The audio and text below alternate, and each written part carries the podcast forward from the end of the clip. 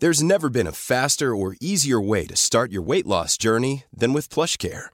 PlushCare accepts most insurance plans and gives you online access to board-certified physicians who can prescribe FDA-approved weight loss medications like Wigovi and Zepbound for those who qualify. Take charge of your health and speak with a board-certified physician about a weight loss plan that's right for you. Get started today at plushcare.com slash weight loss. That's plushcare.com slash weight loss. plushcare.com slash weight loss. Hade det varit helt riskfritt att göra de här aktiviteterna, då hade det inte varit lika intressant. Det, det ligger ju med i, i, i kalkylen att det kan hända olyckor och hade det inte funnits med att det var helt safe, då hade det inte varit lika intressant. Nej. Tror jag. Så att man måste ju vara någonstans, ja, man vet ju inte det innan, men man måste ju någonstans försöka vara mentalt förberedd på att möta döden, för det, det gör man, och det gjorde jag på Everest flera gånger också. Så att, eh, och jag, jag har ju lärt mig det, jag har varit med om det ett par tillfällen innan i livet där, där döden varit nära, och eh, jag har eh, alltid varit lugn i de situationerna, väldigt så här, nästan lite iskall, så att jag känner mig trygg i det hemska.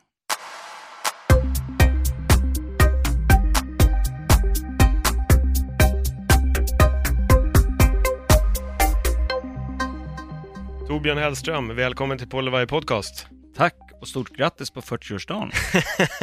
det läckte ut direkt att jag fyllde 40. Eh, tack så jättemycket, tack. Eh, för er som lyssnar då undrar, när, när fyllde Paul egentligen år? Så är det idag när vi spelar in så är det den 10 juli. Det är inte riktigt bestämt när det här avsnittet släpps, men idag är det 40-årsdagen, så du får den stora äran att dela en timmes samtal här med mig. Det ska bli spännande. Kul. Men jag tänkte först faktiskt berätta lite varför du och jag egentligen känner varandra. Mm. Och det här är från den tiden då jag jobbade som, eh, som personlig tränare. Och eh, din son var min arbetskollega och eh, helt plötsligt blev du min eh, PT-kund. Eh, du tillhörde den här kategorin sköna kunder och det finns ju en stor anledning till varför du tillhör en av de skönare kunderna och det är för att du helt plötsligt en dag väldigt spontant säger att du vill göra ett äventyr och att du är sugen på att bestiga Mount Everest. Mm. Och det är därför du är här idag. Spännande. Men den historien börjar långt tidigare egentligen. Det är Såklart. barndomsdröm som man har haft och burit på. Eh, men som väcktes till liv någon gång eh, runt mitten på ja, 00-talet när eh, det sändes program på Discovery som eh, hette Everest på liv och död med Russell Bryce. Och då upptäckte jag att det finns möjlighet för eh, vanliga människor som inte har vigt sitt liv åt bergsklättring att eh, faktiskt uppnå den drömmen som jag har burit på hela livet.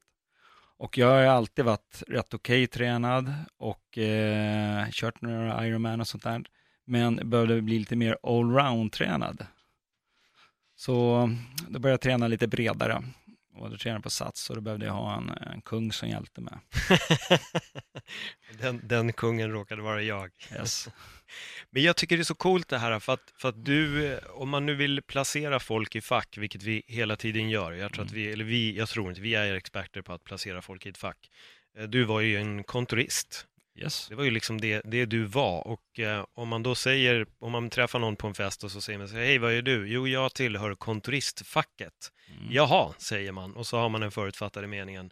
Men du råkade ju liksom vara också en kontorist som faktiskt hade jävligt höga mål på vad du ville göra och det var ju bestiga världens eh, högsta berg. Ja, ett, ett av många mål, men, men eh, det var det målet jag hade fokus på då. Men vad är det som har gjort att du eh, har de här målen? Vad är det som driver dig framåt att eh, sträva efter de här målen? Eh, jag, tr jag, tror att det är no någon, man behöver ha någonting att hänga upp livet på. Mm. Så att eh, jag har alltid haft olika mål och försökt, eh, försökt oftast genomföra målen också. Eh, och Everest har legat där som ett mål eh, som inte, som inte var tidsbestämt. Men eh, under den tiden jag tränade med dig så bestämde jag att innan 50 ska jag upp på toppen. Och eh, tiden började runna på där så att det eh, var lite bråde. Så att eh, våren 2012 så, så så jag, ja, då, det var då jag bestämde mig att nu, nu, är det dags, nu ska jag upp. Och då började jag fylla på verktygslådan med de sista verktygen som behövdes för att kunna göra det här målet. Då. Hur många berg hade du bestigit innan du bestämde dig för att nu är det dags? Eh, toppen så är det bara två stycken. och, och, och det, det, är, det är Mont Blanc eh, och Kebnekaise.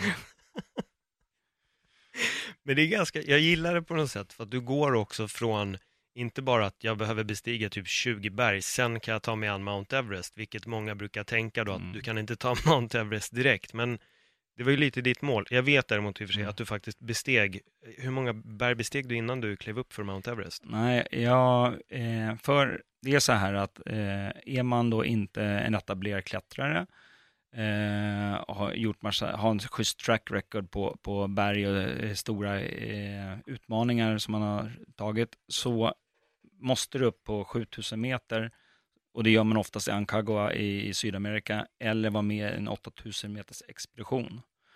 Och jag valde det senare då, vara med i en 8000 meters expedition på ett berg som heter Choyo, det enklaste 8000 meters berget i eh, Himalaya. Eh, och det var ju hösten, eh, jag skulle iväg hösten 2012 och eh, en månad innan fick vi reda på att vi byter berg från, från Choyo till eh, eh Manaslu och eh, jag hade aldrig hört talas om det berget så jag googlade. Det kom upp en rubrik Dödens berg. Får jag verkligen följa med på det här? Ja, men det fick jag, fast det var en del som försvann ur den här uh, expeditionen. Så jag åkte dit eh, med eh, samma expedition med ett gäng kineser faktiskt. Och eh, var med eh, jag fick reda på att ingen svensk hade bestigit det berget. Så att då var det målfokusering direkt och försöka ta det rekordet.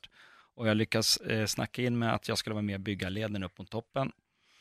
Eh, men en av våra första akklimatiseringsturer på eh, kamp, när vi var uppe på kamp 2, så eh, jag ville vidare upp till kamp 3, men eftersom man följer alltid den svagaste gruppen för att hålla ihop teamet så landade vi på kamp 2. Och den morgonen när vi vaknade så uh, gjorde vi ordning lite te eh, och skulle göra sig ordning för att gå vidare till kamp 3 och då började jag prassla lite i tältet. Och sen eh, kom det som regnstänk nästan på tältet. Och sen var det som jävla ånglok som kom. Och då kom en lavin och åkte ner för berget och eh, träffade oss. Och eh, vi blev ihoptryckta i tältet då och tältet flyttade sig några meter. Men vi kom ur tältet och klarade oss bra. Och eh, det var lite köldskador och sånt på kamp 3. Det var sju, åtta tält som hade blivit övertäckta där. Och eh, en del människor åkte ur tälten. Eh, på kamp, och det var kamp 2 det här. Eh, och på kamp 3 så hade lavinen slagit ner och eh, hela kampet var borta och eh, eh ja, 15 människor dog i lavinen vi valde att avbryta då såklart. Eh, så vi gick ner till Basecamp och vilade där några dagar och sen var jag en av de som drev på att vi skulle avbryta. Eh, för jag var, jag var klassificerad för Everest och då var jag klar med det berget. Hur högt hade ni kommit när det hände? Eh, 6000 meter ungefär, 6300 tror jag. Reaktioner och känslor när du fick veta att eh, så pass många hade gått bort? Eller direkt rättare sagt när, när lavinen Ja, det var ju som var i lite film egentligen. Det som utspelar sig så, man sitter, även fast man är med i filmen så, så sitter man på läktaren och betraktar det hela. Eh, jag har ju ett videoklipp ifrån eh, tältet på morgonen när jag, när jag sitter där och eh, jag hade hjälpt en kille, det, det Malaysias Malaysias klätterguru, han är förlorat några fingrar sedan tidigare. Han var en av de som trillade ut tältet och vaknade upp och hade ingen eh, dojorna hade försvunnit och, och eh, klä, eh, ja, eh, strumpor och handskar och det. Så han fick låna utrustning av mig och innan han fick låna den så höll jag på en 5-10 minuter och eh, värma upp hans fötter så att han inte fick förfrysenskador. Så att jag, jag träffade honom senare på Everest och han tackade mig för att jag räddade hans tår. så att eh, och sen träffade jag faktiskt lite landslags, vet du, eh, landsmän till honom på Everest och eh, de kände till den här historien. Eh, så de visste vem jag var. men, eh, ja, det, var, det var en eh, annorlunda känsla och det, det, det var väl egentligen mest eh, omtumlande när jag kom till Basecamp. Jag, jag stack ju ner först utav allihopa ner till Basecamp för att få låna eh, eh, en satellittelefon. För jag visste det att och går jag ner först så kan jag nyttja den. Sen kommer alla kineser vilja ringa hem. Och jag vill ju ringa hem till liksom nära och kära och tala om liksom att det, det är hänt en olycka här, men jag är, är att det inte har drabbat mig något. Och jag visste ju då inte om vi skulle upp igen, så jag var tvungen att ja, för, försköna det hela lite grann och, och, säga att de som var drabbade hade tagit någon fel led eller något sånt där. Så att eh, de skulle känna sig trygga hemma, men det var ju rent ljug. Hur eh, reagerade de när de insåg att det bara var rent ljug? Jag tror att jag valde att göra den här eh, bestigningen när, när mina barn hade blivit vuxna. Så att eh, någonstans när man gör de här grejerna så finns det ju, det finns ju risk i det här. Och eh, den är man medveten på. Så att, men jag tror att eh, båda eh, kidsen är, litade på att jag gör rätt saker. De är ju klart de är oroliga för mig, men eh, eh, ja, en sån här försköning, det, det är väl eh, naturligt att göra i det läget när man inte vet om man ska upp vidare. Man kan inte berätta riktigt hur det har hänt och sen sticka upp igen. Det, det, det är lite för brutalt. Man får väga in lite. Men nu, vad sa du, 15 personer dog? Ja. Vad driver en att fortsätta när 15 personer har gått bort? För det här skulle ju avskräcka majoriteten. De hade väl flytt, men det kanske också är en viss typ av människor som väljer att bestiga ett berg där döden är så överhängande. Ja, men det, visst är det så och eh, rent krasst hade det varit helt riskfritt att göra de här aktiviteterna, då hade det inte varit lika intressant. Det, det ligger ju med i, i, i kalkylen att det kan hända olyckor och hade det inte funnits med att det var helt safe, då hade det inte varit lika intressant. Nej. Tror jag. Så att man måste ju vara någonstans, ja, man vet ju inte det innan, men man måste ju någonstans försöka vara mentalt förberedd på att möta döden, för det, det gör man, det gjorde jag på Everest flera gånger också. Så att, eh, och jag, jag har ju lärt mig det, jag har varit med om det ett par tillfällen innan i livet där, där döden varit nära. Och eh, jag har eh, alltid varit lugn i de situationerna, väldigt så här, nästan lite iskall. Så att eh, jag känner mig trygg i det hemska. Döden skrämmer inte dig? Eh, nej. Nej. Vad skrämmer dig? Eh, ja, att nära och kära kan dö. Lämna en. Mm. Det är väl eh, det egentligen. Men det, det, händer det så händer det. det. Det är ju, man kan inte påverka så mycket när saker och ting sker, det är klart att det är ledsamt. Eh, speciellt om det är nära vänner och en del, det blir en del av sig själv som försvinner lite. Men jag tror att den stora skillnaden mellan de som håller på och utmanar lite, ja, riskerar rätt mycket, väljer ju någonstans att eh, man kliver över den här tröskeln och nu är det nya förutsättningar, nu har det här hänt. Det låter brutalt att säga det, men nu, nu är det en ny karta som ritas om, nu har det hänt. Likaså är det på en arbetsplats om man blir uppsagd eller om det är eh, förändringar, få en ny roll eller någonting och, och eh, då är det ju en stor oro för många att, att det blir en förändring. Men när förändringen är skedd, liksom, det är ju, man, man behöver inte gilla läget men det är det man får göra egentligen om man ska liksom komma vidare och lyckas. Annars kan man nog eh, annars, kan få, annars kan man få det jobbigt. Vad är det som gör att vi är så rädda för förändring, tror du? Ja, du. Bra fråga. Jag vet inte. För du är uppenbarligen inte det. Alltså det är det intrycket jag får. Men när jag lyssnar på din historia här och jag har ju hört, jag, jag, jag känner ju till din story, men det, det blir ändå, jag menar, jag förstår att det här med döden, det är oftast det som gör att man kliver upp för Mount Everest. Det är som du säger, hade det varit enkelt så hade man inte man hade inte gjort det på samma sätt mm. och kanske en annan typ av människor hade gått upp för Mount Everest, det är väl ja. lite så. Ja. Uh, jag, jag, kan förstå den här lockelsen uh, utav det och jag uh, fascineras och inspireras av, av det du har gjort. Och jag tycker det, är, det krävs en speciell människa för att faktiskt ändå fortsätta på sitt mål och gå upp för Mount Everest. Och du bestämde dig att fortsätta trots de här motgångarna. Mm. Men vad hände direkt efter det här? För nu minns jag inte om du fortsatte i en bestigning eller åkte du hem till Sverige? Det, var, det tog ju en viss tid innan att ta sig från berget då. Så att efter, eh, tror jag, tre, fyra dagar efter olyckan så var jag nere i Kathmandu. Och efter det så eh, bokade om biljetter och så. Sen var det en vecka senare så var jag hemma. Och eh, gick på terapi. Eller ja, träffa mina vänner och hängde med dem egentligen. Snacka lite så. Berätta om det som hade hänt eller? Ja, berätta om det som har hänt och eh, men väldigt mycket i att man vill tillbaka till det normala. Mm. För, för liksom då får man, eh, ja, då känns det bra igen. Mm.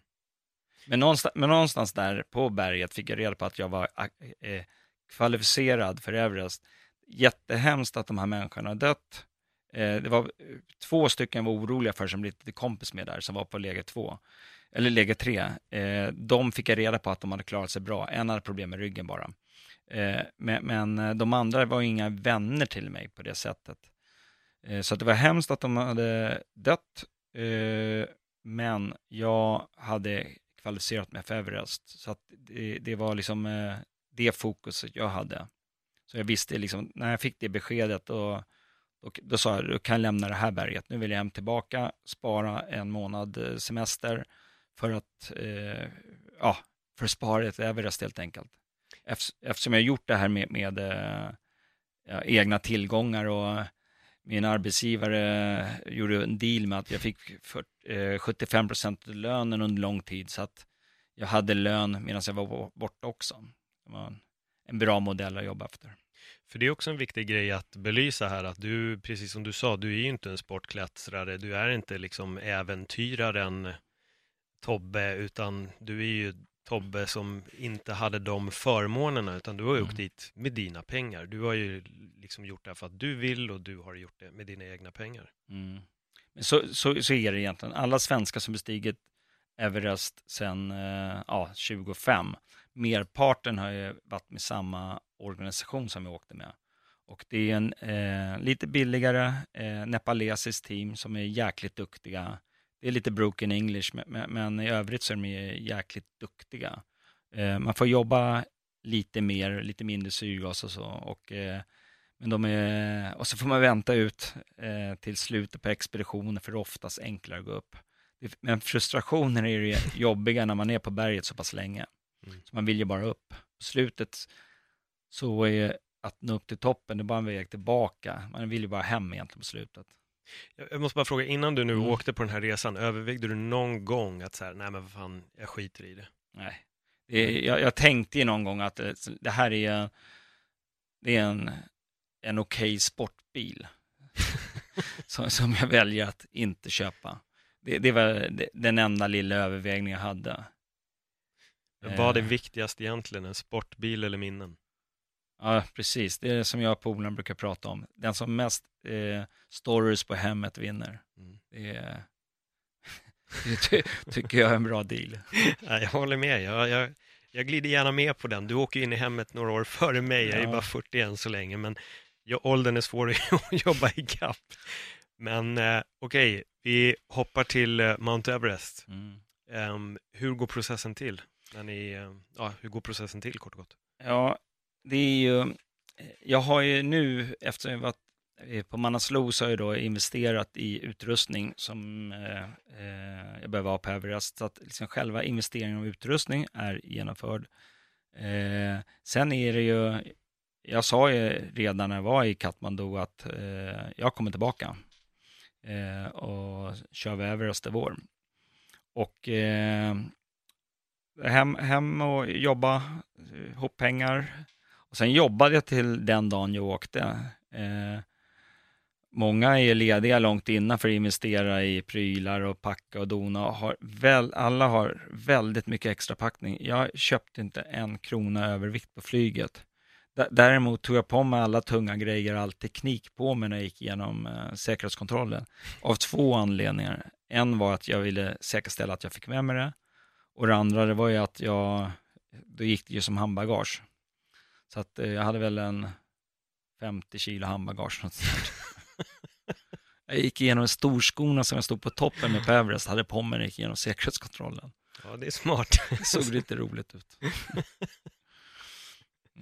Och när du väl kom dit, hur, hur bemöttes ni och vad, vad, vad fick ni göra? Ja, eh, då var det så att första vändan till Katmandu, eh, då var jag där i tre, fyra, fem dagar tidigare för jag ville liksom ta in, eh, det är så här när, när man gör långlopp eller långa aktiviteter så är det bra att vara förberett att man gjort delar av det innan.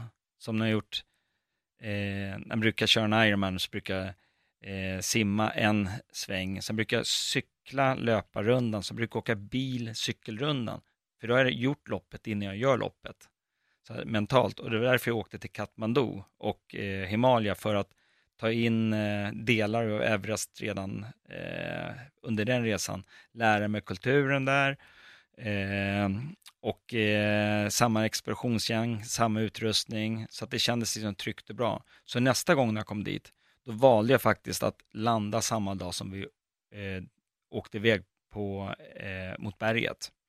Och eh, eh, det var egentligen för att jag tycker att Kathmandu, som många beskriver som vacker och gemytlig ställe, det tycker jag då var, eh, ja, gillar att knarka och, och eh, leva i trash så, så kanske det är mysigt, men det, det, är en, jag blev inte inspirerad av den staden, utan det, det, det var i mina ögon en äcklig stad och det, det är jag är nästan ensam om att säga. Mm. Men det var så jag tyckte i varje fall. Så jag ville gärna upp till bergen på en gång, vilket vi gjorde. Och väl när vi kom till, eh, innan vi åkte iväg till berget så samlades teamet ihop. Vi hade konferensrum och vi presenterade oss för varandra. Och det var första gången jag träffade dem som jag skulle göra den här aktiviteten med. Och eh, sen är det en vandring på några veckor innan man når Basecamp då. Och vi slog läger innan vid ett annat berg som heter eh, Lobuche, där vi skulle göra en akklimatisationsklättring. Och eh, ofta i sådana här expeditioner så är det ett antal människor då som ska upp på Everest eller Lutz eller Nopsa, eh, ett par andra berg i, i eh, ja, på över 8000 meter. Eh, men det är också en del vandrare som hänger med.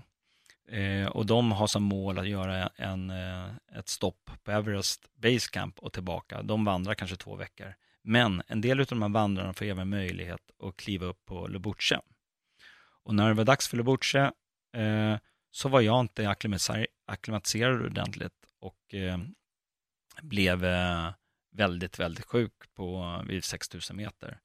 Så jag var tvungen att gå ner 1000 meter. De ville ha ner mig ännu längre ner, men jag tyckte att jag mådde så pass bra när jag kom ner 1000 meter. Men min eh, självkänsla fick en fet törn där eftersom eh, en del av de här vandrarna klarade av att vara på Lobuche. Och jag fixade inte det. Och jag har sagt till mig själv att jag ska på Everest. Mm. Den var lite jobbig faktiskt. Alltså, ba, ba, ja. Jag måste bara fråga, vad är det för, för sjuk eh, känsla man får där? Det är, vad är det? Hög... Ja, det, det är hjärnan sväller det ofta och det, det är dödligt. Det är jättefarligt och då måste man ner på lägre höjd. Och då var det rätt brant ifrån deras eh, säga, high camp som det heter där, det ligger på 6000 meter ungefär, så var det rätt rakt ner till 5000 meter där vi hade våran, eh, vårt base camp. Och sen var det jäkligt flackt för att ta sig ner på lägre höjd. Så att det var en dagsvandring för att liksom komma ner 1000 meter till. Så eh, den orkade jag inte med då och då var det snack om att ta in helikopter och det. Men, men eh, jag lyckades avstyra det för jag tyckte att jag mådde så pass mycket bättre när jag kom ner. Gjorde du det? Eller jag, gjorde, jag gjorde det. Gjorde. Vår, vår, läkare, han eh, körde en variant med mig, eh, Jerry som han hette, en amerikanare. Han frågade mig, eh, Thor, jag kallar för Thor. jag kunde inte säga Torbjörn, det var Thor. Och sen det, eh, men då, då sa han till mig, han frågade mig, Torbjörn, vet du vilken veckodag det är? Jag börjar peka på alla andra. Frågar de andra, det är inte en jävel som vet vilken veckodag det är. Så det var en elakt ställd fråga. Jag hade ju ingen aning. Mm. Dagarna går ihop när man är iväg på sån här expedition så pass länge. Men jag var frisk i kroppen, det var det, i knoppen, det var det han ville ha koll på. Mm.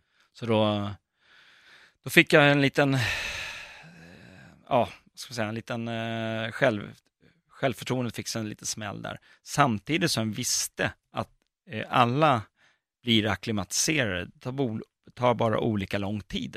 Och när det är väl dags att bestiga Everest, då vet jag att vi alla kommer vara akklimatiserade. Men det hjälper inte när man ser andra människor fixa saker som man själv tycker att man borde fixa. Så hur länge var du tvungen att vara på den här lägre höjden? Eh, vi var ju där till dagen efter de kom tillbaka, sen gick vi upp på Everest Base Camp och sen hängde vi där några dagar. Sen gick, som ligger på, eh, ja, vad var det, blir det 5200 meter kanske. Sen gick jag tillbaks till, tillsammans med två andra som hade missat den här akklimatiseringsturen. Och sen eh, tältade faktiskt på toppen av Lobuche, så vi sov över på, mitt på toppen. Och det var ju liksom en, en seger i sig att få göra det. Så att det, med facit i hand tyckte jag var jävligt skönt. Men eh, där och då när jag, när jag gick ner, och kände, då kände jag mig bara besviken. Hur högt var det här, Lobuche?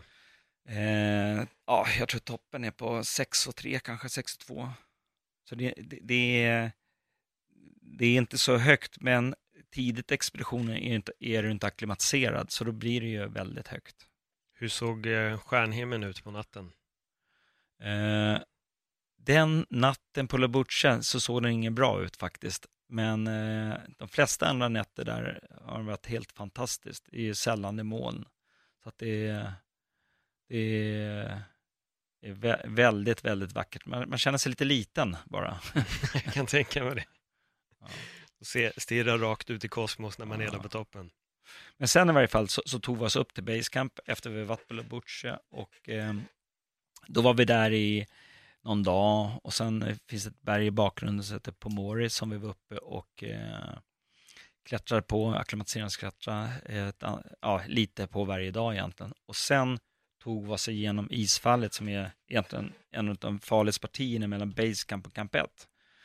Eh, och det vill man undvika att ta sig igenom för många gånger, för det är där många dör, det är där det är mycket fallolyckor, det är där man ser de här eh, bilderna när folk kliver över med stegar. Och, ja. Så då gick vi upp dit och sen gick vi upp på kamp. Men nu vill jag höra, hur ja. kändes det att gå över där, där man vet att folk har dött? Vad var liksom, vilka tankar flög genom huvudet innan du skulle ställa fötterna ja. på den här stegen? För jag har sett bilderna. Ja, jag tycker det ser ruskigt och läskigt ut. För egen del är det bara spännande, spännande och roligt. Det var jättekul. Eh, däremot så är det en kille som har vikt sitt liv åt bergsklättring som var med i vår expedition. Han var ju livrädd för att vara på berget. Mm. Jättemärkligt. Eh, jag tror att han har gjort mycket ensam eh, klättringar och då har du kontroll på varenda liten skruv. I, det här, eh, i en sån här expeditionsklättring så får man, eh, eh, får man förlita sig åt andra och det kan vara rätt svårt. Eh, jag, jag har, för egen del så har jag inte ett dugg problem med det. Eh, men han, Bart, också en kille från Polen, han, han har jätteproblem med det. Så, så han var faktiskt en, den enda i, av oss sju som skulle upp på toppen som inte kom upp. Men han kom inte över? Nej. Han kom över stegarna, men, men han, han, eh, han var inte mentalt där. Jag visste redan på kamp 4 när jag skulle iväg på toppen att han kommer inte gå upp. Jag tror det kan bero på kontrollbehovet, lite som du säger, att han är så van vid att den här egna, alltså att lita på sig själv till 100% och sen ge bort tillit till någon annan. Ja, dels det och sen är det ju så att när du börjar leta fel så, så då börjar det man målar in sig ett hörn lite grann och han eh, gjorde en del dumheter också eh, som påverkade hela expeditionen. Eh, så han, ja, han eh, var inte omtyckt heller. Så att eh, han, han fick problem, han litade ju inte på Sherpas heller. Han litade ju inte på någon. Så att eh, han, ja, han, han trodde faktiskt att han skulle bli dödad där uppe. Att de skulle lämna honom. Okej, han ville helt enkelt Nej, inte han, han hade eh, egna demoner som han var tvungen att besegra.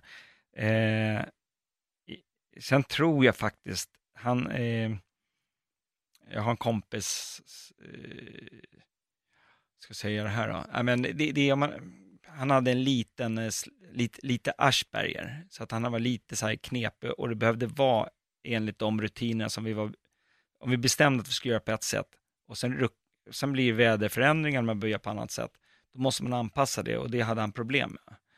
Eh, så att jag tror att han hade mest problem med det. Han fick ett, efter expeditionen, så var det en del diskussioner för att skulle stämma expeditionsgänget. Så.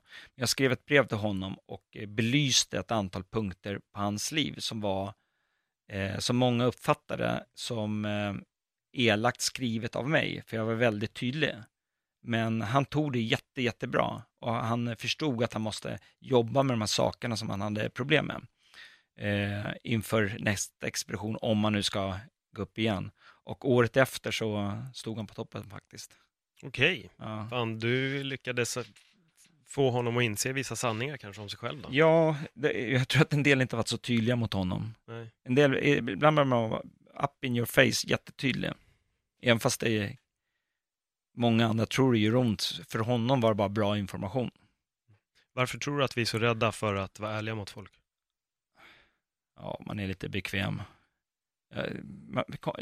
Konflikträdd är nog fel ord. Eh, jag tror att man, ja, man vill inte störa någon mysig stämning. Nej. Så då, då, då, eh, då, då sopar man under mattan.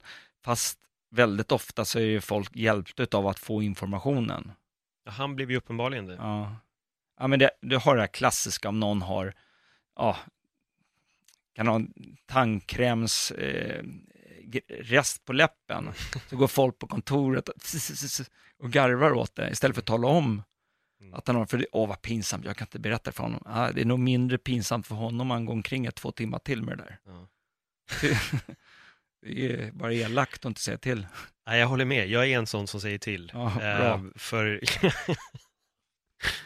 när jag jobbade på Globen för massa år sedan så stod jag och snackade med några från städargänget Eh, varpå en, en arbetskollega till mig då kommer. Ja. Jag ser att han har världens snorkråka innan han hinner komma fram och då ser jag bara, jag, jag pekar på hans näsa och han bara, åh jävlar, du vet, så här, oj. Och så han bara, fan tack som fan alltså, för, ja. det, för det blir ju värre för honom att alla inte hör ett ord av vad han säger utan fokuserar på att du har världens snorkråka i näsan. Och jag håller med dig, det är ja. skittaskigt att inte vara den som säger till. Jag måste bara flika in med en liten historia. Kör. Här. Det är en av mina bättre vänner, jag hänger ut honom, Jerry Mattsson. Hej Jerry Mattsson, välkommen till Paul Varje podcast. ja, han, eh, jag var säljare på den tiden och var uppe på ett kundbesök i Uppsala och ehm, eh, innan kundbesöket så eh, var han tvungen att äta lunch. Och han eh, gillar mat, gillar mat ordentligt och det var spagetti med köttfärssås. Och eh, ja, han slafsade i sig det där och tydligen blev helt röd runt munnen, vilket han själv inte upptäckte. Eh, sen gick han och hade massa kundmöten där och jag tyckte att så här, budskapet gick inte in riktigt. Han fick inte riktigt kontakt med de här människorna. Och sen när han lämnade Uppsala och skulle backa ur bilen från parkeringen, och ser han hur han ser ut. Och det ser ut som en jävla clown. så att eh, han har varit eh, nöjd om någon hade berättat för honom istället för att låta bli. Ja, sen finns det ju tips här till Jerry Mattsson att servetter är ej att underskatta. Ja, verkligen. och, och, tips till andra. Ryan Reynolds här från Mint Mobile. Med priset på nästan allt som går upp under inflationen, trodde vi att vi skulle bring våra priser down. So to help us, we brought in a reverse auctioneer, which is apparently a thing. Mint Mobile unlimited premium wireless. Ready to get 30, 30, bit to get 30, bit to get 20, 20, 20, bit to get 20, 20, bit to get 15, 15, 15, 15 just 15 bucks a month. So, Give it a try at mintmobile.com/switch. slash $45 up front for 3 months plus taxes and fees. Promo for new customers for limited time. Unlimited more than 40 gigabytes per month slows. Full terms at mintmobile.com. Life is full of what ifs. Some awesome, like what if AI could fold your laundry? And some, well, less awesome. Like what if you have unexpected medical costs? United Healthcare can help get you covered with Health Protector Guard fixed indemnity insurance plans. They supplement your primary plan to help you manage out of pocket costs. No deductibles, no enrollment periods, and especially no more what ifs. Visit uh1.com to find the Health Protector Guard plan for you. Som käkar med Jerry, att det sitter inte mitt emot honom. Nej, precis. Nu vet ni det här svenska folket, om ni käkar vid Jerry så passa er. Mm. Men åter till Mount Everest och när ni har eh, gått över det här, vad, vad, vad, skulle du säga var det största hindret egentligen på Mount Everest som du råkade ut för? Det för största hindret för mig på Mount Everest var ju egentligen det som hände på Lobuche. Sen var ju jag i superbra form eh, Eh, när det var dags att klättra. Det, man gör, eh, det vi gjorde i expeditionen, det var att vi klev upp till kamp 1, sen sov vi natt där, och sen gick vi till kamp 2 och sov vi natt där, sen gick vi upp till kamp 3 och sov vi natt där och byggde upp tälten och förberedde det för när det är dags att gå vidare. Sen gick vi hela vägen ner till basecamp och dessutom så gick vi en dagsvandring ner till 4000 meter till en by eh, som heter Pangbouché. Och där tillbringade vi tror jag, fyra eller fem dagar. Och för varje dag där blev vi ju starkare och starkare. Så det var liksom största nyckeln till framgång. Det var att våran expedition, jag tror vi var ensamma om det, gick hela vägen ner till eh, 4000 meter och tillbringade massa tid där istället för att vara kvar på basecamp. Det var en lång, hård eh, eh, vandring ner. Sen när man skulle gå upp den här eh, kilometer höjdmetern då, eh, det tog ju också en dag, men det, det, det, var betydligt lättare för då hade man blivit så stark genom att befinna sig på 4000 meter. På, på vilket sätt skulle du säga att du fick styrka? Eh, kroppen läkte på något sätt. Jag, jag hade eh, sår på fingrarna som inte läkte. Jag hade rasat när vi rasade när vi var på, på, på Måre, det berget som är i närheten av Everest. Så, så på vägen ner där så, så rasade jag och skar upp fingrarna lite grann. Och eh, det, det, det hände ingenting med det. Det var ju liksom öppet hela tiden. Sen när jag kom ner till 4000 meter så läktes det på en dag. Så att det, det, händer, det är rent krasst det som så att människor kan bo och leva upp till 4000 meter. Över 4000 meter kan man besöka. Du kan inte bo och leva där, för det klarar inte kroppen av. Så att det, det är ju, när du är på basecamp så du bryts ner. Och ju högre upp du kommer så bryts du ner ännu mer. Och sen finns det ju någon, det kallas för dödens höjd, någonstans kring 8000 meter. Ovanför den eh, höjden så kan du inte eh, tillgodose vila. Om du sätter dig ner och vilar så förbrukar du mer än den vila du får. Så du måste, om du, om du varit uppe på den höjden och på väg ner, så måste du ner under de här 8000 metrarna för att kunna få tillbaka någon form av energi. Helst ska man ner på 6000 eller. Jag har ju sett bilder på dig från de här dödens eh, höjd och det där. Mm. Och du ser, såg ju mer ut som en 90-åring än, än, din riktiga ålder. Ja, jag har ju några videoklipp där från Camp 4 när jag var ute och filmade lite. Först, det var ju så här när vi var på väg jag kan ta det i rätt kronologisk mm, ordning då. Kör. Så vi gick ju tillbaks till, till, eh, till 4000 meter, sen vi upp till basecamp och då var vi liksom akklimatiserade och klara och då väntade vi bara in en bra eh, period där vädret är schysst och, och allt för många inte, expeditioner inte eh, går. Så början av den här eh, tidsramarna kan man bestiga berget och vädret rätt, då sticker de flesta expeditioner och då kan det bli väldigt mycket folk på berget och eh, det vill man undvika. Så vi väntade ju ut många expeditioner, vilket var fruktansvärt jobbigt eftersom du satt eh, du vill ju bara upp och egentligen vill du bara hem, du ska bara passera Everest på vägen. Eh, och sen möter folk som varit uppe på toppen och de börjar packa ihop basecamp och själv sitter man kvar där det var oerhört frustrerande. Men vi bestämde oss att eh, det var dags och vi gick upp och eh, gick över isfallet. Vi passerade kamp, och man går alltid över isfallet på natten eftersom då är det som mest stabilast. Eh, och vi passerade kamp 1 och gick till kamp 2 och där tillbringade vi två nätter.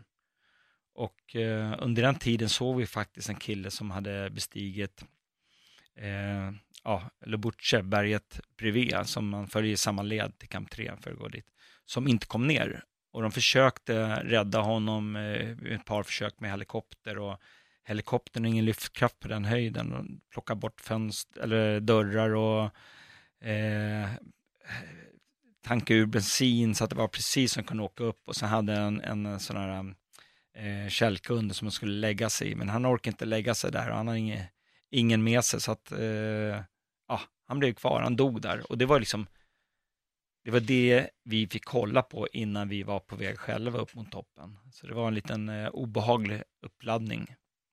Och det är ett gäng människor som har dött och det går inte att ta ner folk som du säger. Så jag hörde att dör man på ännu högre höjder, Mm. då är man bara kvar. Och, eh, men du får fortsätta Mm. för jag tror du kommer till det där också. Ja. Nej, det är, är, rent krasst är det så, så att grundregeln är man riskerar ingen liv för att ta ner någonting som är dött. Eh, sen är det ju så att en del anhöriga vill ju få hem sina eh, nära och kära och då, då, då kan de betala väldigt mycket pengar. Och då är det en del som, som gör expeditioner för att plocka ner.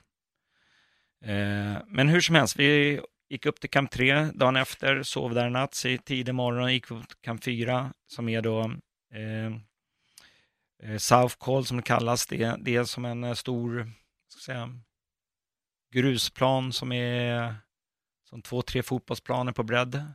Och där är det bara massa tält, eller på, på ena hörnet så är det massa tält från olika expeditioner.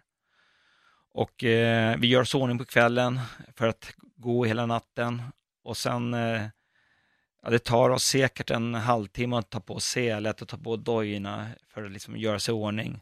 Och precis då när vi ska ge oss ut så får vi reda på att eh, det är för ostadigt väder. Utan vi, vi, eh, vi stannar till imorgon och gör ett försök då.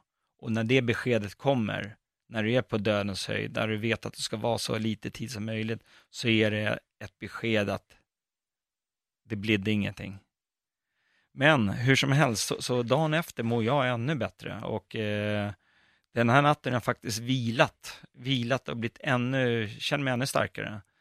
Eh, vilket, ja, det ligger på 7950 meter, så precis under det här dödens höjd. Men eh, den natten gjorde åtminstone mig väldigt gott. Eh, så jag filmade lite grann av mig själv på morgonen, sen går jag ut och sen tältet bredvid en kille som var uppe och försökte på toppen som eh, gick ner och vilade, la sig i tältet som eh, somnade in där, så han dog. Och honom bar de ut då på morgonkvisten. Men jag var ute och gick där på, på, på förmiddagen i en timme ungefär utan, ja, man, har, man behöver ingen syrgas när du inte klättrar, utan det är, det är när du anstränger dig behöver ha lite extra syre egentligen. Eh, men jag var ute en timme och sen filmade jag mig själv lite efteråt när jag har lite tankar kring vad som har skett och så. Och då upptäcker jag att på videofilmen efteråt när jag ser den att jag säkert åldrats 15 år. För det är sug, vätska sugs ur ansiktet så att det, man blir väldigt, eh, ja, lite åt, vad ska jag säga, lite åt skeletthållet. Man går eh, man har gått ner en del i vikt också, men man är lite svullen. Men när jag var uppe där så försvann det och, eh, och sen brände man ju en del eh, fett. Jag gick ner 15 kilo under den här resan.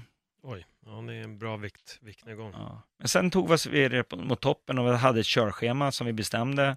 Jag måste bara fråga Ja. innan vi kommer hit. Yes. Ehm, han som dog, hur reagerade folk i, i campet, folk i närheten? Ja, det var väl det var väl femte eller sjätte dödsfallet där. Så att det hade hänt en del dödsfall tidigare. Eh, ja, man funderar lite, man hoppas att det inte ska bli några fler. Eh, det, var, det var ingen jag kände, ingen som jag vet att jag hade stött på. Okej, det var ingen som tillhörde er direkt? Nej, inte våra team, Okej. utan det var ett annat team. Tror att är det lättare att hantera när det inte direkt händer? Ja, om, det, om du ser en trafikolycka och någon skadar sig så är det hemskt. Men får reda på att det, det är din brorsa eller eh, din kompis som träff, liksom är skadad, då är det ju ljusår värre. Mm. Så att det är väl lite den eh, skillnaden. Det, det är läskigt med en olycka. Men, men eh, eh, ja, och eh, ännu värre var det faktiskt med han, den här killen som dog där på kamp 4 hans kompis stanna och vila mellan två fästpunkter uppe på eh, eh, väggen upp mot sydtoppen. Och eh, eh, honom stötte jag på då vid två tillfällen. Och det första tillfället var ju när vi var på väg upp. Och då, då var det så att jag och Mingma, eh, som jag gick med, som för övrigt satt tillsammans med mig i tältet i Manaslu när lavinen gick, så vi hade lite historia ihop han och jag gick ju tillsammans på Everest också. Eh, vi fick ju starta sist och sen fick ju Bart starta först och sen eh, byggdes det på för man ville eh, egentligen starta med den långsamma och sen tar man den starka på slutet för att försöka hålla ihop teamet. Men eh, rätt, snort, rätt så snart så hade vi sprungit ikapp allihopa och sen var vi först på väg upp där och när, när jag, jag ligger ungefär 10 meter före Mingma så möter jag den här dödingen då och jag uppfattar, det är så här att på den höjden är det ungefär som att vara lite halvpackad. Man är liksom lite trög i huvudet. Eh, och jag tror att det är någon dunväst eller dundräkt eller sovsäck som flygit upp bara och fastnat där. Så jag kör ju min yxa i, i honom, han som ligger där, och förstår att det där var inte bara en dundräkt. Och Mingma var ju jätteorolig för man ska inte röra folk som har dött. Det betyder otur. Men jag visste inte när jag gjorde det. Men där klev vi faktiskt över honom och det kan jag tycka var lite eh, märklig känsla. För det är, man brukar prata om det här att kliva över lik. Och det var det vi gjorde där. Och det är, det är inget, ingen positiv egenskap att kliva över lik för att nå framgång. Men, men eh, det, det, gjorde vi där i alla fall. Jag måste bara klargöra, menar du att du alltså högg yxan i honom eller petade du på honom med yxan? Pe petade på honom. Okej, ja. Så att det, men, jag, men när jag gjorde det så förstod jag inte att det var människa. Nej. Utan det, det förstod jag Mingmas, Mingma visste att det var det helt enkelt. Men är det inte att man försöker liksom rationalisera grejer där uppe? Och som du säger, man, det är klart, du är på en extremt hög höjd, man är inte i sitt sinnesfulla bruk. Nej. Att man kanske, som du säger, att en, en att en, en, vad var det, sovsäck skulle ha flugit ja. upp och lagt sig där. Det är det här där man vill normalisera ja, någonting. Ja, antagligen det. Eh, jag, jag, har själv inte seglat, men, men, jag har kört mycket windsurfing och sådär eh, tidigare. Och de, de, de, som seglar brukar beskriva det här, när du seglar så finns inget annat, ingenting annat än det du gör just nu. Och så upplevde jag det när jag eh, besteg Everest. Och eh, eh så att jag var i en liten bubbla som bara liksom eh, gjorde, eftersom vi, vi, vi marscherade snabbt framåt, för vi upptäckte rätt fort att det var oväder som vi såg längre bort. Och varje team har ju eh, eh, vet du, läkemedelsutrustning och komradio. Och vi vill ju inte, eller jag vill ju inte höra turn back call, liksom att nu är det hemskt, nu måste vi vända om vilket gjorde att jag stressade på det lite grann och jag kände mig i väldigt bra form och kunde mata på och det var inga vägen. Vi var först upp där på morgonen, eller bland de första. Och det var mörkt också va? Ja, ja det, var, det, var på svart, det var på natten där. Ja. Eh, upplyst av månen som eh, var som en lampa. Så det var inte svart utan det var ju eh, ja, upplyst ordentligt. Starkt månsken. Ja, men sen på sydtoppen upptäckte jag att Ming, Mingma stod och skakade lite och var helt virrig och då gick det upp för mig, vilket jag inte förstod innan, att, att jag hade, vi hade kört på rätt hårt. Och eh, han hade inte sagt till att det var lite för hårt tempo, utan han lät mig hålla takten. Och han var ju helt slut där. Då fick jag krama om honom och sa nu gör vi det tillsammans. Och stödja honom så att han eh, känner sig tryggare. Och det var första gången han var på Everest också.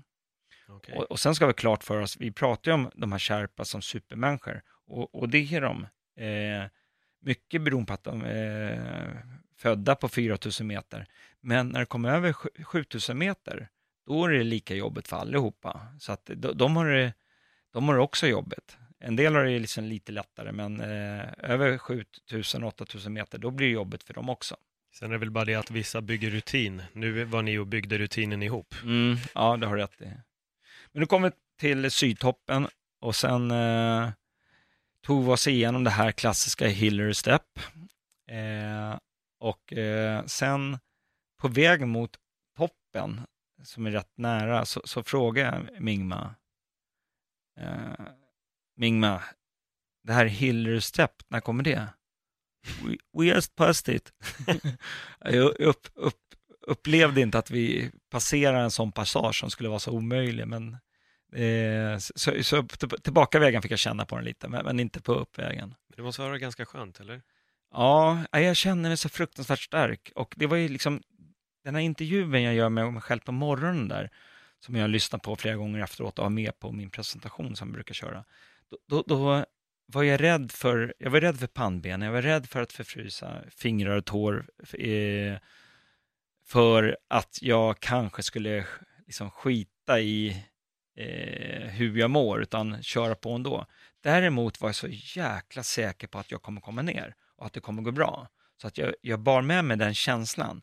Och jag var ju, jag var ju ja, som sagt var väldigt vältränad. Och då ska man komma ihåg att det, i en expedition som pågår i tio veckor så, är, så bryts ju kroppen sakta ner, man blir svagare och svagare och du ska prestera som max på slutet. Så När du är som svagast. Ja, precis. Så att, eh, men jag hade tur eller var väl förberedd, man ska säga. Jag mådde jättebra där.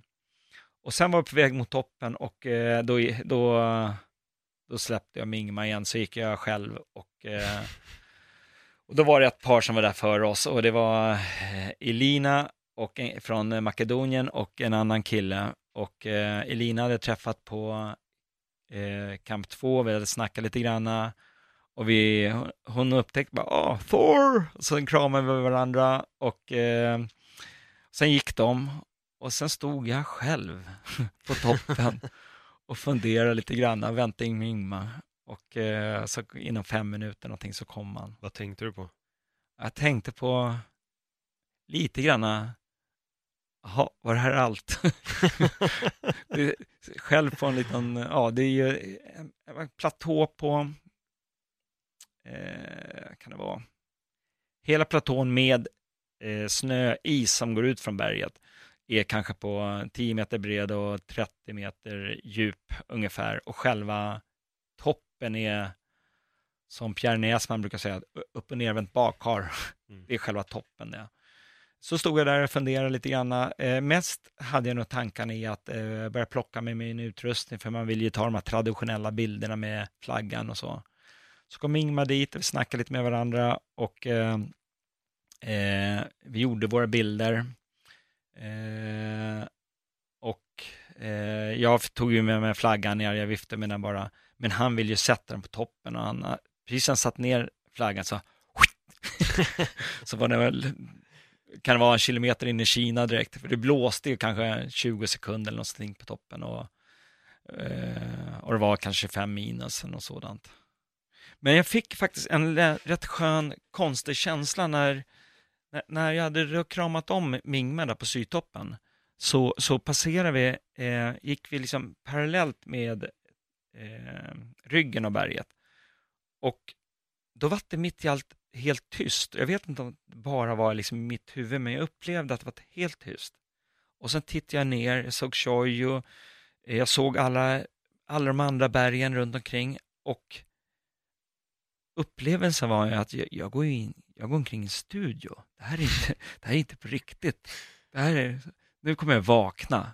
Det, det, det var en jättemärklig känsla, men sen kom en bit fram så kom vi upp lite över kammen och då började det blåsa igen och då, då förstod jag att vi var på berget. Lite nästan drogpåverkad där uppe på höga Ja, höjden. det är ju ja, halvpackat tillstånd hela tiden. Sen fick jag höra, den som var mest erfaren av oss eh, var en kille från USA som klev in lite grann som eh, expeditionsledare. Eh, jag säger inte hans namn då, men, men han varit med i en massa K2-expeditioner, varit med i lite filmer, eh, kört en del med Fredrik Sträng bland annat på K2. Eh, men han, den mest erfaren av oss, han sjunker ner där på, på eh, mellan sydtoppen, eller strax efter Hillary Step och blir medvetslös. Vilket innebär att ja, man kan inte göra någonting med han. Men då har vi, i sjukhusutrustningen så har man en spruta som man eh, med något adrenalinliknande preparat kör man igenom dundressen och sen trycker man i och sen får man fart i människan i fyra till sex timmar. Och eh, honom finns det bilder på på toppen. De leder honom till toppen innan de tar ner honom. Eh, så han står på toppen med, med just snorkråkor i näsorna och alltihop och, och ler och han, inte, han är rejält packad. Mm. Men han, han klarar sig Han kom ner och det var lite hyschers kring det där. Och Piotr då som har blivit min gode vän, eh, sommaren efter, eller den sommaren, några månader senare, var jag nere och hälsade på honom första gången. Sen har vi träffats jättemycket efter det. Då berättade han om, om den här incidenten. Och jag visste inte om den innan, utan eh, det var ju hemskt. Det är ett sånt här läge man bara lämnar någon. För det går inte att bära ner en annan från den höjden. Ja, och man får väl inte, det är väl det också? Jo då, du får, du får göra vad du vill. Det finns inga regler som gäller. Över 7000 ja, meter. men Jag tänkte lite, det är väl rådet i alla fall att det, du kan dö på kuppen? Är det inte Ja, det? ja, så är det ju. Ja. Jag tror att jag skulle verkligen försöka. Det är klart du får, det, Ja. det förstår jag, men, men det rekommenderas. Men jag, tror, jag tror att eh, är du, är du i bra form och, och i, i liksom gott tillstånd och, och ser till att det är lite extra syre och så, då kan man säkert jobba en del med, med det här. Men känner du någonstans egen svaghet, då måste du ner. Men, men eh, som tur var, det, det gick bra för honom, han kom ner. Eh, så att det, det, men det, det nämndes ingenting om det på Everest, utan det var ju först några månader senare jag fick reda på det. Och den sommaren var jag faktiskt ner till eh, Makedonien och hälsade på Elina också. Man har lite, lite man, man eh, bygger band. Ja, det var Så, det jag tänkte. Ja, det är ju det är som gör lumpen gånger tre eller något sånt där. Det blir väldigt, väldigt intensivt. Hur gick nedgången? Gick det lugnt Ja. ner eller? Det, jag vet ju om det här, jag har predikat för mig själv att det är, det är under nedgången de flesta olyckor sker. Och eh, jag kom ner till kamp fyra och jag, jag var ju stark, jag ville vidare ner, Ingmar behövde vila. Jag skulle vänta in resten av gänget eh, och efter några timmar så kom de och då behövde alla vila och då fick jag tillstånd att gå själv helt enkelt. Eh, jag går ner över sneddar över Lotseväggen, över Yellow Band och är på väg ner. Det här är ju då fortfarande kanske sen förmiddag, mitt på dagen. Och då blir det eh, mellan Everest och Nupse ligger Lutse, så att vi har, tänk som en hästsko av berg. Så, och det är en stor dal och det blir jättevarmt där när solen ligger på. Och Lotseväggen, så den är hyfsat brant, eh, 55 eh, grader och sånt där. Eller kanske mer. Eh, där har vi skruvat fast rep och de sitter fast med isskruvar. Och jag är på väg ner där och trampar på bra tempo och kontrollerar inte hur, hur, hur det här sitter fast. Och jag är liksom först tillbaka. Och jag upptäcker efter ett tag när jag ska lägga om repet att den här isskruven sitter ju inte fast. Och då, då upptäcker jag att varenda isskruv har ju fått, eh, är blottad för solen och värms upp så de är helt lösa. Så alla skruvar sen är tvungna att skruva fast i berget, täcka med snö och fortsätta neråt. Hade jag snubblat till där, då hade det varit tack och goodbye. Så att det, det är, men det, det är ett misstag jag gjorde och det är ju på grund av att jag är oerfaren. Jag inte tänkte på det. Eh, men Jag kommer upptäckte- aldrig glömma det nu. Nej, och det, det är ju... Och då, man tror ju någonstans, jag, jag gjorde första, jag har en filmklipp på när jag passerar den här killen som ligger där eh, på väg ner igen. Då, då är jag liksom, är kanske på 8500 meters höjd. Där någonstans i det videoklippet gör jag några segertecken. Och sen är jag nere på, eh, ja, på, Bay- eh, på Camp 4 där, där slutar jag filma och berättar för ja, en rolig tripp, det här var kul. Men, men det är fortfarande så pass långt kvar och så mycket faror. Så att eh, Lotsevägen där var lite hemskt när jag upptäckte det. Men sen gick det bra och sen är det ju sista passagen. Eh, vi gick ju ner, eller jag gick ner till kamp 2 och alla i vårt gäng kom ner till kamp 2 samma dag. Eh, varav eh, ja, den här killen då som var lite, kom lite senare, de kom på nattkvisten. Men sen dagen efter på morgonen så gick vi igenom till basecamp. Och när det väl kom till basecamp, då är man ju safe. Sen är det bara vandring. Eh, så att då känner man sig jäkligt trygg. Då kunde man ringa hem. Eh, ja, det kändes skitbra. Sen, sen någon dag senare så gav oss vägen ner och första byn där så hinkade vi ett gäng bärs. Ja, det var som kungar där, det var underbart.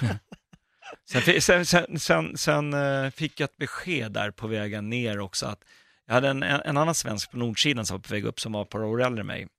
Och han hade satt sig vid 8650 meter jämte en kille som hade suttit där några år eh, och började fundera på, Jerry Glad heter han, att eh, liksom han lovat sin familj och eh, riskerna och det och eh, han eh, valde att vända om. Och eh, så tre, fyra dagar efter, eller på nedfärden fick jag reda på att jag var den äldsta som bestigit Everest från Sverige då. Så det var en liten, som en liten tävlingsmänniska med ner så var det jättekul då, att vara den äldsta. Och det var jag fram till en månad sedan. Ja, ja, du berättade det för mig precis när vi skulle spela in. Så jag får ju ändra titeln på den här podden. Du, får, du, du är inte äldste Nej. svensk längre. Ska bli igen. Men jag, jag måste fråga, när du väl kommer hem, Mm. liksom, hur upplevde du att kliva tillbaka in i det verkliga livet? Eh, ja, det var det är nästan som, när jag gjorde Ironman första gången, då var det inte så många som hade gjort det. Då gick jag omkring i en osynlig stålmansdräkt ungefär en decimeter ovanför marken och var man än gick så kunde jag gå in i T-centralen som var kökfullt med folk. Så Sa man till sig själv, ingen har klarat av det jag har gjort. Och lite denna känslan hade man, men, eh, det var häftigt, man var lite, det var en cool grej att göra, väldigt stolt över liksom att man har fixat det. Men samtidigt så, eh, väldigt fort så, eh, så var det som att jag sett en film bara. Att jag inte riktigt varit med om det, utan det, det var någonting som jag har sett och inte upplevt. Eh, så jag kör ju sådana här Everest-dragningar ibland som tar, 75 minuter och jag tar aldrig betalt för dem, utan däremot så be- betalningen är att det är den, när jag har de här presentationerna, då får jag uppleva det jag var med om på Everest och eh, få vara den äventyraren. För eh, när i vanliga arbetslivet när jag är ute och träffar folk och så, då, då är den ju borta. Den finns ju inte. Jag jobbar ju inte med det. Och eh, när jag kom hem så sa jag att eh, nu får det vara lugnt med berg på ett tag då. Men jag antar att du har nya, nya äventyr på G. Så är det. Ja, Så är det. Vad, vad, vad står på tur? Jag har ju några stycken eh, saker jag vill göra. Dels är det idrottsprestationsmässigt, eh, så resultat. Jag vill ju jättegärna, jag var nere, åkte ner till Hawaii och kollade på eh, konan, den riktiga Ironman, för att få inspiration eh, för något år sedan och eh, tyvärr fick jag inte inspiration, jag varit jättebesviken. Men det är en sån grej som man måste göra och för att göra det så måste jag ner på 10 timmar på Ironman och i pojkar 55 då. Eh, så att det är någonting jag ska göra. Sen, sen har jag så här äventyrsmässigt så är det ju någon gång, självklart, Seven Summits, de andra bergen ska upp. Eh, sen har jag det här att jag vill simma till Finland. Eh, eh, och där har jag liksom lagt upp kartan. Eh, det är två veckor det kommer ta. Må, målet Åbo.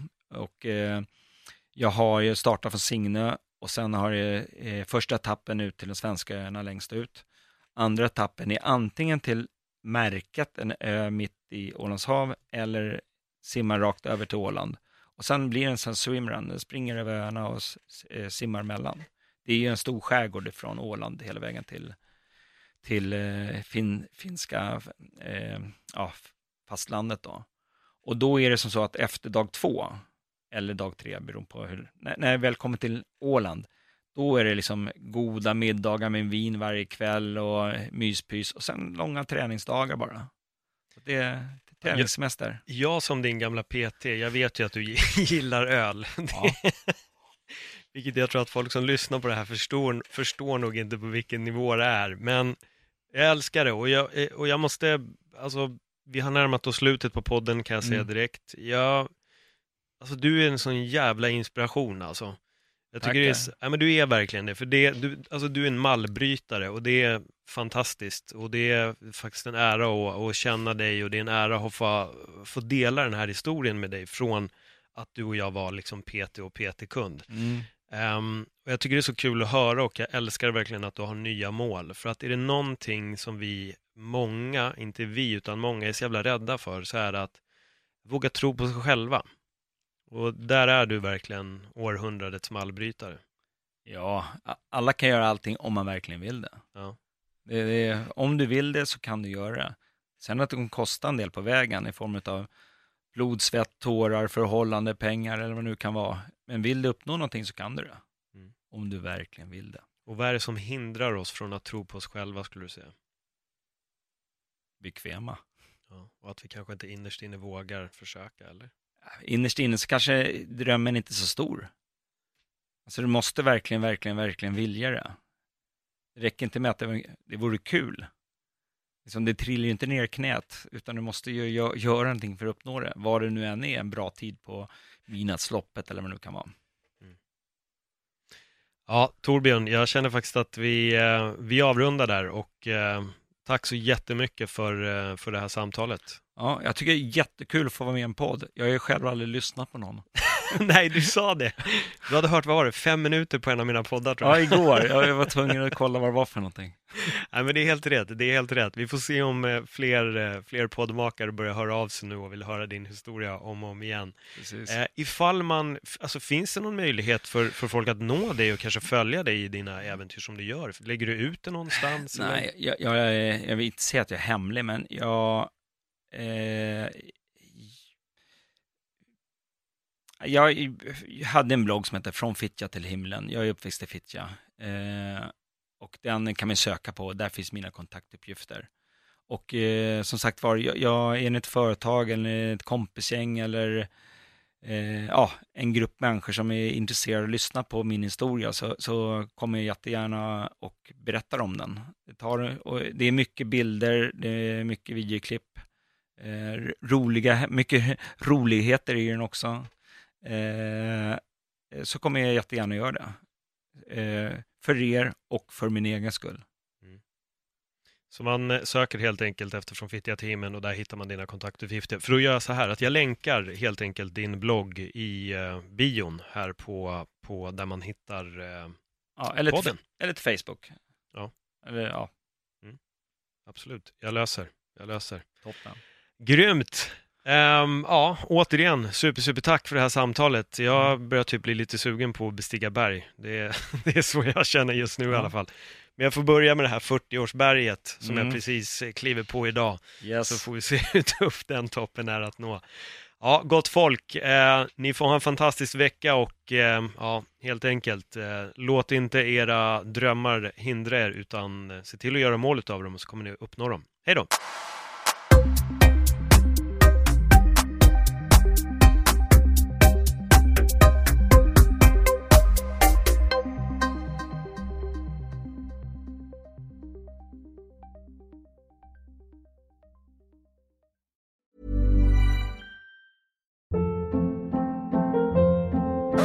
Hold up. What was that? Boring. No flavor. That was as bad as those leftovers you ate all week. Kiki Palmer here, and it's time to say hello to something fresh and guilt-free. Hello Fresh. Jazz up dinner with pecan-crusted chicken or garlic butter shrimp scampi. Now that's music to my mouth. Hello Fresh. Let's get this dinner party started. Discover all the delicious possibilities at hellofresh.com.